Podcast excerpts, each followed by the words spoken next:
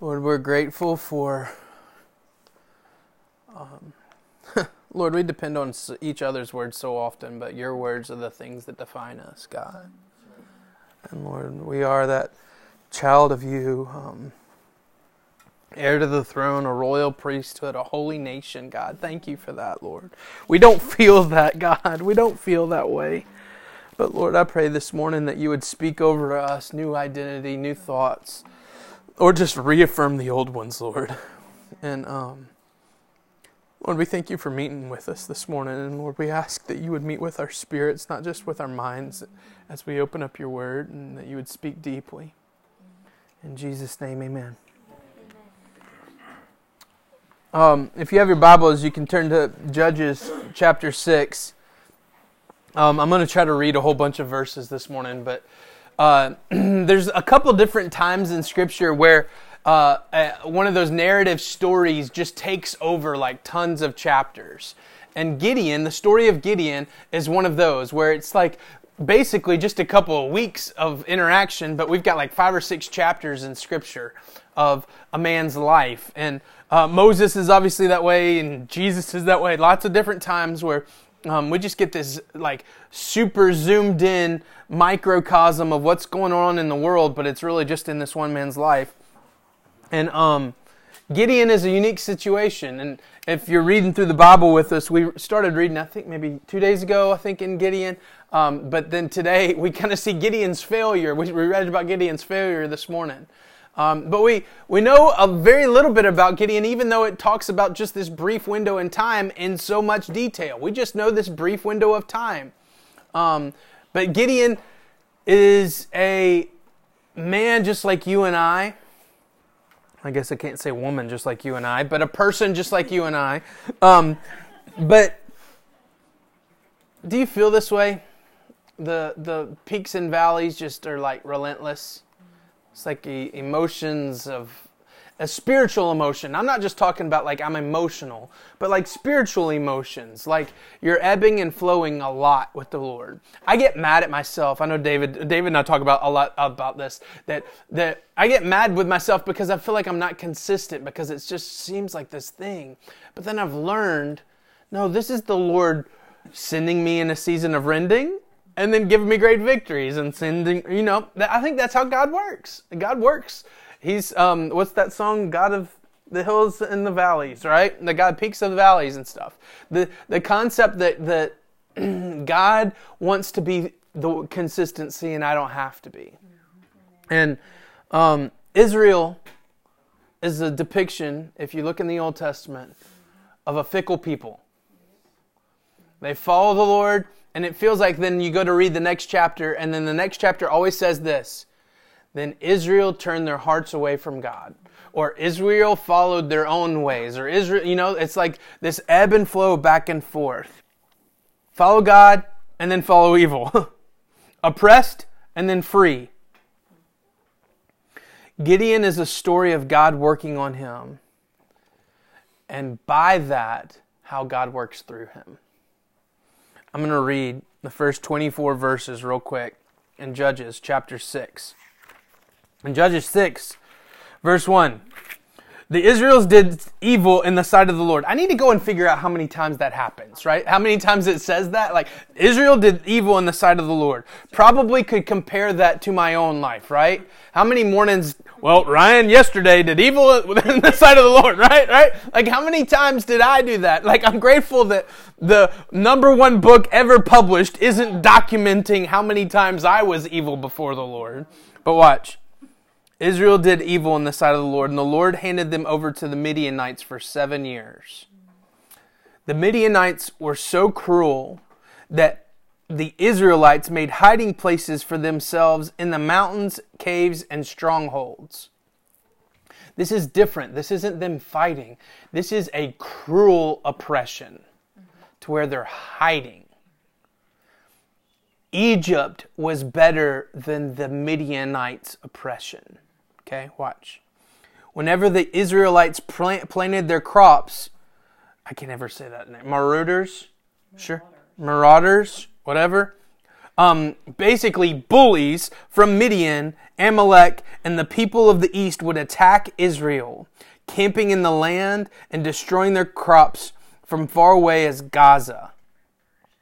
That, that Gaza would have been towards Egypt. And I don't know if you read the news this morning, but in the last 24 hours, 600 missiles have been fired from Gaza into Israel today. I think it's the same type of oppression. They left the Israel's, Israelites with nothing to eat, taking all the sheep, goats, cattle, and the donkeys. The enemy hordes coming with their livestock and the tents were so were as thick as locusts. They arrived on, on droves of camels too numerous to count, and they stayed until the land was stripped bare. So Israel was reduced to starvation by the Midianites. Then Israel cried out to the Lord for help. When they cried out to the Lord because of Midian, the Lord sent the, a prophet to the Israelites, and he said, This is the what the Lord God says the Lord God of Israel says, I brought you out of the out of slavery in Egypt. I rescued you from the Egyptians and from all who oppressed you. I drove your enemies uh, drove out your enemies and gave you their land. I told you, I am the Lord your God. You must not worship the God of the Amorites, in whose land you now live. But you have not listened to me. Uh, th- those words echo in my head a lot. Ryan, I've, I've told you this, but you haven't listened to me.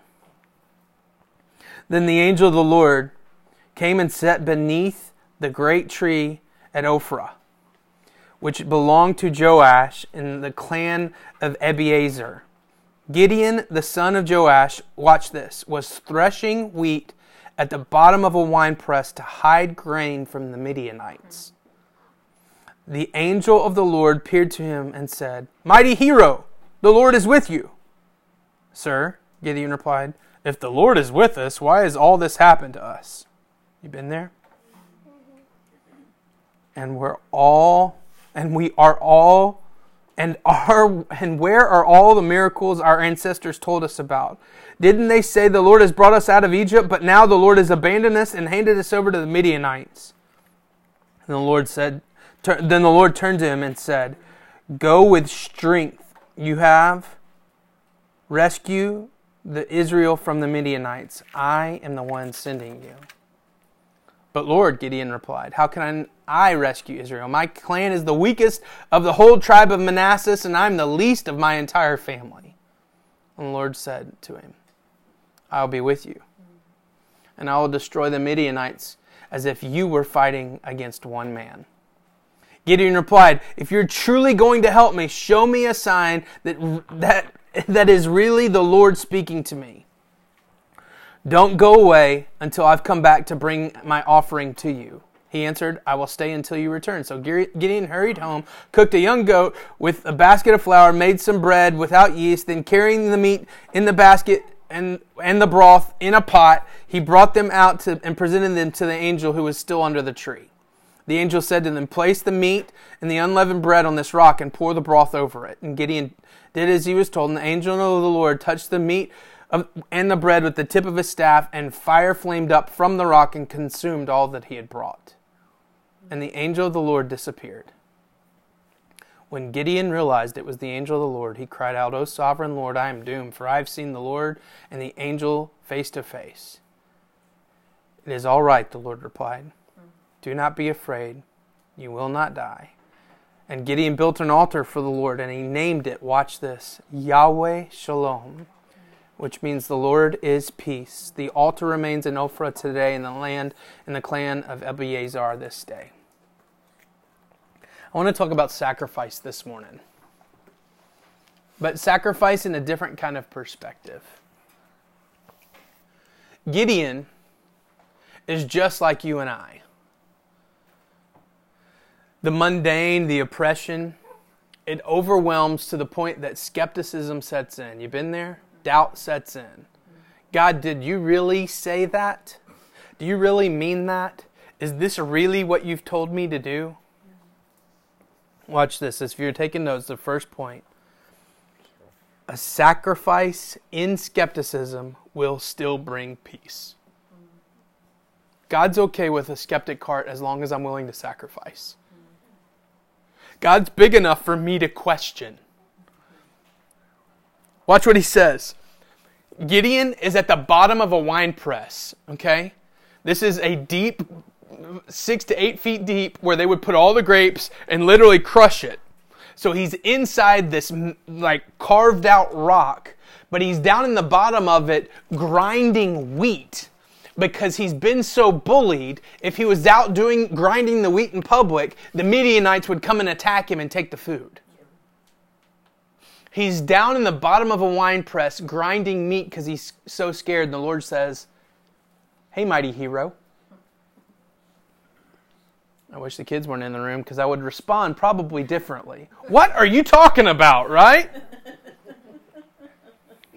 the heck? Right? the heck? Right? That's the concept, right? What's going on?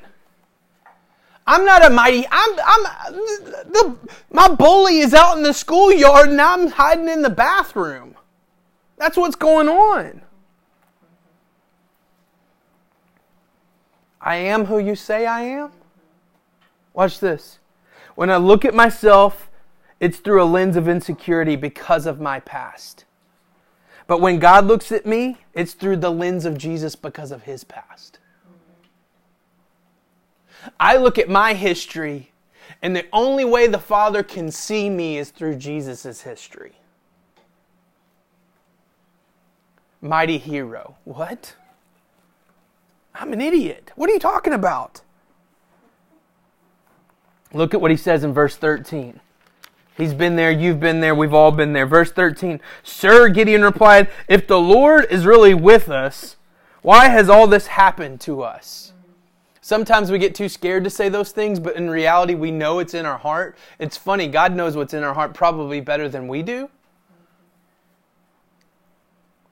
If God's really saying these things, why is all this going on?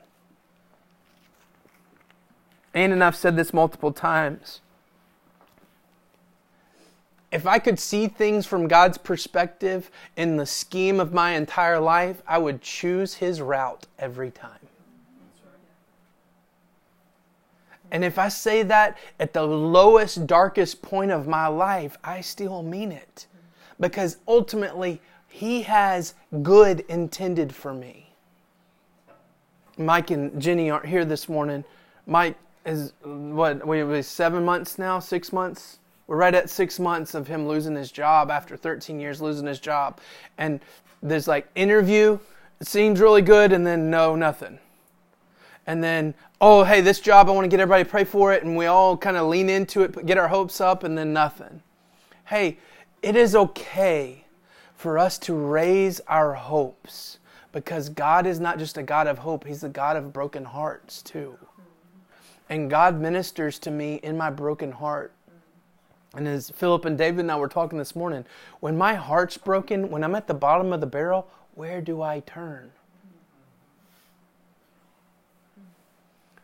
How does God grow my heart? He has to break it first. I don't want it. That's the reason why Scripture says that we are embracing the suffering as Jesus suffered. We are heirs in his suffering as well. Verse 14. Verse 14, the angel says to him, Go with strength Go with the strength you have and rescue the Midianite, uh, rescue Israel from the Midianites. I am the one sending you. And he's going, No. No, I'm not going anywhere. I don't want to go anywhere. What are you talking about? I'm not the, go and do this thing. I'm in the bottom of a wine press. I don't want to deal with this. Who am I? Who am I to go? Verse 16, I love it. Verse 16, Gideon says to him, or 15, Gideon replies, But Lord, how can I rescue Israel? My clan is the weakest of all Manasseh. Uh, so, of the 12 tribes, there's this one tribe, and in this one tribe, there's this one clan, and in this one clan, there's this one dude. I'm the bottom of the rung. And you call me mighty hero?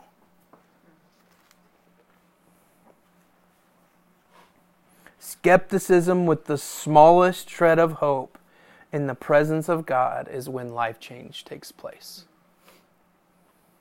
Skepticism in the smallest shred of hope. I've been around one person my entire life that I truly, genuinely believe was hopeless and call the police. Some, very rarely do people who say they're hopeless genuinely have no hope. There's always this small shred of hope. Not to talk in dark terms, but talking funny. Tennessee's going to win the national championship soon, right? Like, I'm convinced. I'm convinced. I'm living in the past. 1998. 1998. The first national, BCS national championship. The Tennessee Volunteers beat the outranked Florida, or, uh, Florida State Seminoles. Yes. Peerless, Peerless Price had this incredible catch over the number one safety for the winning touchdown. It was the best national championship ever. I'm living in the past. I love it. The reeds are gone. yeah. Because what good can come out of Florida? No. So, but there's this concept. Tennessee, I'm living in the past, right? Why? I've got this small shred of hope. You know what I do? To feed that hope, I get online this time of year and see what 18 year old is leaving school and saying he might come play at the University of Tennessee. I go to this website that stalks these 18 year olds all over the country to see where, and it's just this if I can feed that hope a little bit, then I'm going to be all in, right, buddy? Right, Max? Max is there too. He's got the same sickness. Watch what happens. God just needs a small shred of hope. He'll deal with a whole bunch of skepticism if there's a small shred of hope. In the small shred of hope, I press in and go, What do you want to do now? And the bottom of a wine press, hiding from my bully, I get out and create an altar and call it what? The Lord is peace. In the presence of my enemies, think about it for a moment. When I sacrifice skepticism, God brings peace, no matter what's going on around me. He builds an altar. What do you put on an altar? An animal. All the animals they're starving to death. He makes a sacrifice in the presence of his enemies who are bullying him and taking all the things that are sacrificial, are meant to be sacrificial.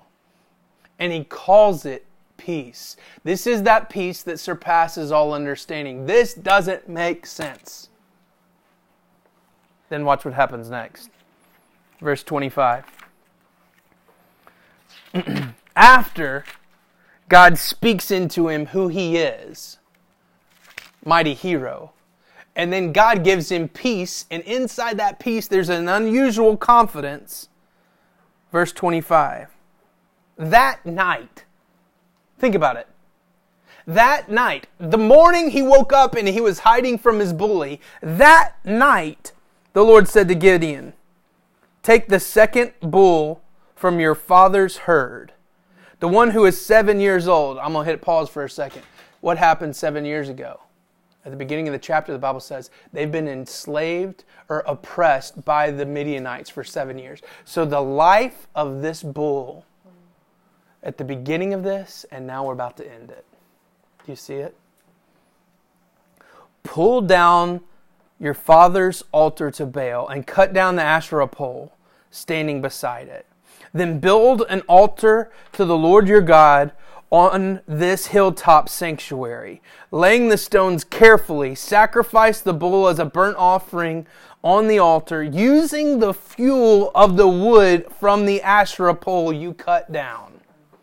So, Gideon, I love this. It's in the middle of the night. He's, you still see the, the normal, like, selfish Ryan every now and then come out. Well, you see the scared Gideon come out too. So Gideon took 10 of his servants. He's like, guys, I'm not doing this one alone. And he did as the Lord commanded. But he did it at night because he was afraid of the members of his father's household and the people of the town. Early the next morning, as the people of the town began to stir, someone discovered that the altar of Baal had been broken down and the Asherah pole beside it had been cut down. In their place, a new altar had been built, and on it were the remains of a bull that had been sacrificed. And the people said to each other, Who did this? And after asking around and making careful, uh, making a careful search, they learned that it was Gideon, son of Joash. Bring out your son, the men of the town demanded of Joash. He must die for destroying the altar of Baal for cutting down their Asherah pole. But Joash shouted to the mob that confronted him, Why are you defending Baal? Will you argue his cause? Whoever pleads his case will be put to death by morning. If Baal is truly is a god, let him defend himself and destroy the one who broke down the altar. From then on, Gideon was called Jerubbaal, which means let Baal defend himself, because he broke down Baal's altar. Not only sacrifice and skepticism bring peace, but then a sacrifice in obedience will bring reputation. A sacrifice in obedience will bring reputation. That night. That is how quickly God, in one day, God flips your world upside down. And God, in one day, God takes you from a coward in the bottom of a wine press to one who flips over false gods.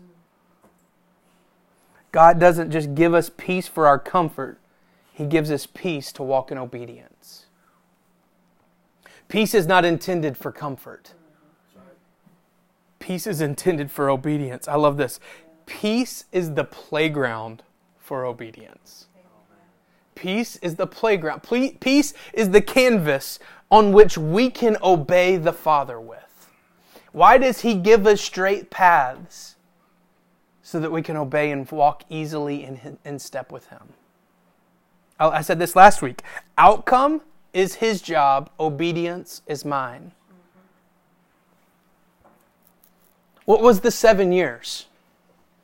Seven years of oppression. What did we hear in Gideon's voice? What do we hear in Gideon's voice? God, if you would just do, fix this, we're stuck. What is, what does he slaughter when he kills this seven year old bull? He's killing the spirit of victimization. I will no longer be a victim. I will be the thing he says I am. And what do they rename him? I've always not liked this. You know, it's like they have a good Christian name, and then all of a sudden, like uh, Daniel has this, Belshazzar, Daniel and Belshazzar. Like this, this, this, this pagan kind of religion renames people in Scripture, and it kind of always bothers me. And so Gideon gets named Jerubbaal. It's like even fun to say. Say it. Say it. Jerubbaal. No. Okay. what? No, no, you messed it up. All right, Jerubbaal. Yeah, boom, got it. So watch, Jerubbaal. I don't like that because they're referring to a false god in his name, right? Like it, it kind of bothers us a little bit. But watch, what's the challenge that his dad says? If Baal is a real god, he'll strike down the person who did this. So I'm going to rename my son, let Baal defend himself, because every breath from this point forward proves he's a false god. Every breath that Gideon takes as Jerubbaal is a spit in the face of a false God. Verse 31, let me read it. But Joash shouted to the mob, Why are you defending Baal? Hey, sometimes I need you.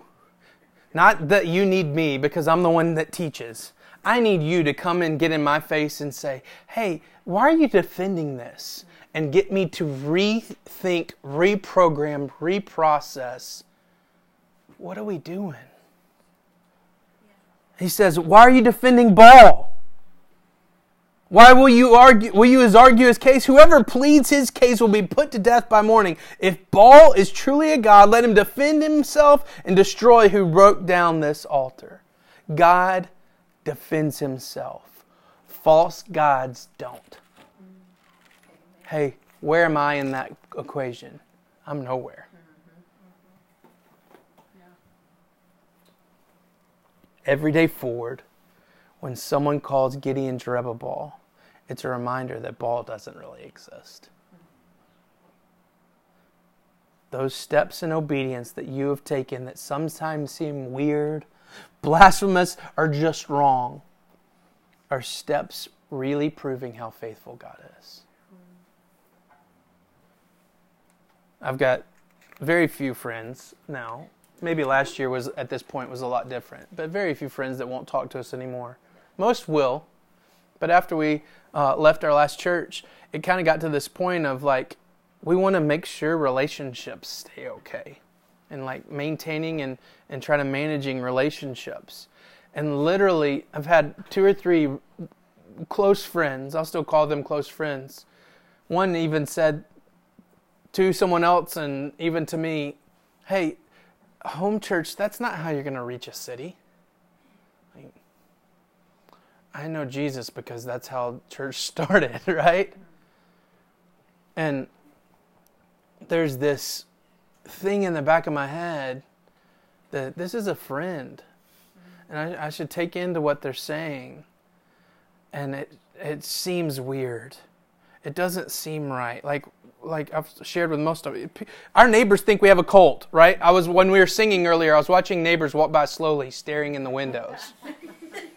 like, like what's going on, right? Like here's your cup of Kool Aid when you come in the house, kind of thing. And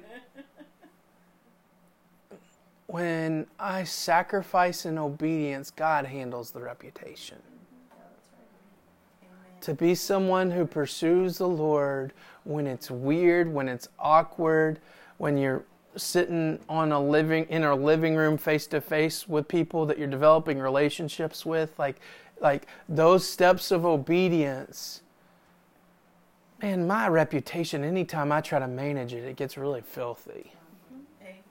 But when i walk in obedience the lord fixes the reputation. Verse 33 I'm almost done. I love that. So it was in the morning, that night, the next morning, and then it says, soon after, the armies of Midian, Amalek, and the people of East, an alliance, formed an alliance against Israel and crossed the Jordan, camping in the valley of Jezreel. Then the Spirit of the Lord, oh, this is so good. The Spirit of the Lord clothed Gideon with power he blew a ram's horn as to call to arms, and the men of the clan of Abiezer came to him. He also sent messengers throughout Manasseh, Asher, Zebulun, and Naphtali, summoning their warriors, and all of them responded. Then Gideon said to God, If you're truly going to use me and rescue Israel as you promised, prove it to me in this way. I would put out a wool fleece on the threshing floor tonight. If the fleece is wet with dew in the morning, but the ground is dry, then I will know that you're going to keep, that, that you're going to rescue Israel as you promised. And that is just what happened. When Gideon got up the next morning, he squeezed the fleece and wrung out a whole bowl full of water. Then Gideon said to God, I still see it. Do you see it? You see yourself in Gideon? Please don't be angry with me, but let me make one more request. Let me use this fleece for one more test. This time, if the fleece remained dry and the ground wet with dew. So that night, God did as Gideon asked. The fleece was dry in the morning, but the ground was covered in dew. Sacrifice and skepticism will bring peace. Uh, sacrifice and obedience will bring reputation. But watch this.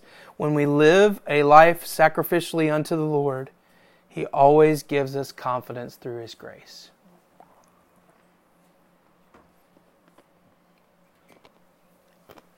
Gideon, in the bottom of a wine press, has the angel of the Lord show up and say, Mighty hero.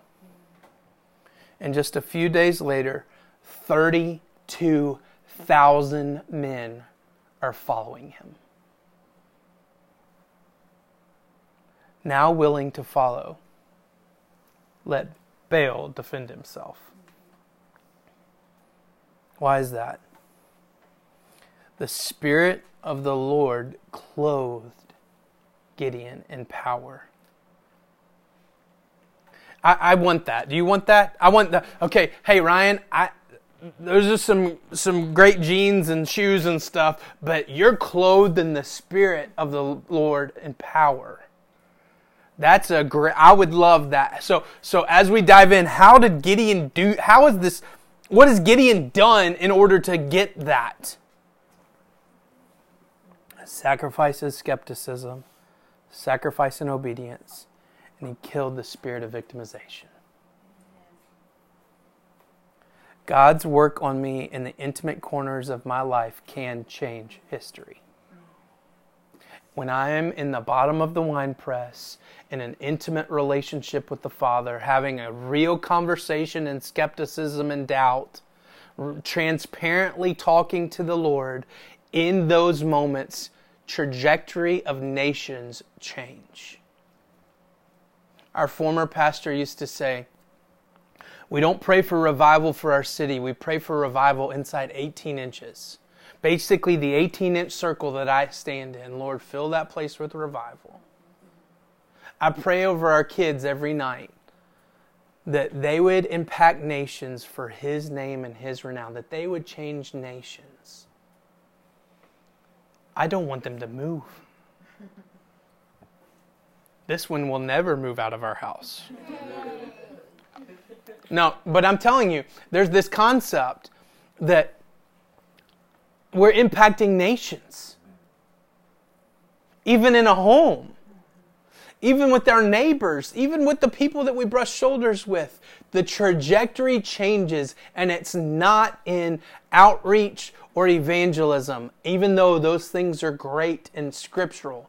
The intimate time with the Father is what changes the history. He gives me a new name.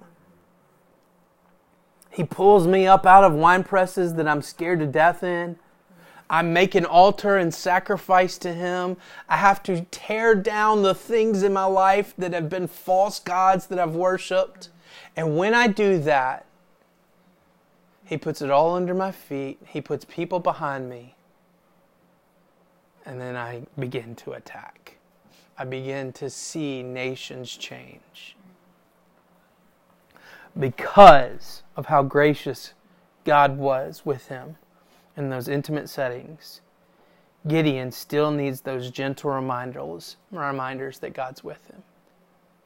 He says, Okay, God, I see what you're doing here, but I have this doormat. And, and tomorrow morning, just to make sure, and we joke, sometimes God just gives you a little wink somehow. There's something that happens in the day, and there's just a little wink from the Lord to confirm, hey, this is the way, walk in it. Gideon needed that. God, you said this in the wine press. You said this when I sacrificed. You renamed it. Baal hadn't killed me yet. I think I'm good. And now there's 32 men, 32,000 men following me. Really? Is this really what it is? God's not afraid of those moments hey, the scripture says don't test God. And then we look at this and we're like, wait, Gideon's testing God. But is Gideon testing God or is he testing his own heart? Look at it. God loves it when we say, okay, Lord, I'm all in, but I just, I, I just need to know this is you and not me. That's not a test of the Father. He's not trying to figure out the future, but he's trying to purge his own desires out of the equation. Okay, God, I have all these people following me. I think I know what you're telling me to do, but in the morning, just to make sure, will you, will you make this mat wet? And sure enough, God makes the mat wet. And he's like, just, I don't really trust myself, God. One more time, I got to have it. Can you make it dry? And God makes it dry. Does God speak in any of that interaction? God doesn't have to speak to Gideon because he's already spoken to him. Get this God's spoken obedience is what he, or God's spoken word and our obedience to him is what he desires. If we start to look at fleeces only without God's spoken word, we're chasing coincidence, right?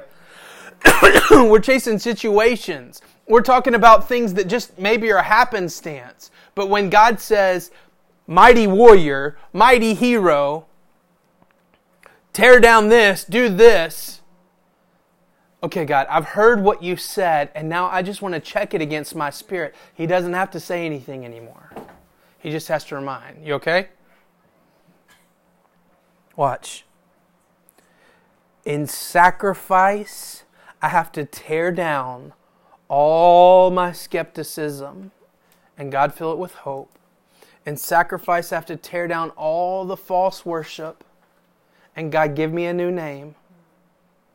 But then, lastly, a daily sacrifice of self is normal while walking in the Spirit. Sometimes we get so caught up in, oh, I'm just trying to get rid of my own sin. No, Jesus did that. I know that my wretched self is going to wake up tomorrow morning and I'm going to have to ask the Lord to submit that and, and God to live through me. And that's normal walking in the Spirit. The abnormal that happens for all of us, and I, I shouldn't say abnormal, the less frequent are the moments of skepticism, are the moments of I've got to remove these false gods out of my life. And those moments have to take place. But the daily purging of self is walking in the Spirit. So, three things. We've got to sacrifice. Where are you? And it's not necessarily one, two, three. It's a it's a range. Do you need to sacrifice the skepticism? And God's not afraid of it, He wants it and then ultimately start to sacrifice the false gods that have been erected in your life. And then walk into that daily sacrificing of self. Where do you fall? Let's pray.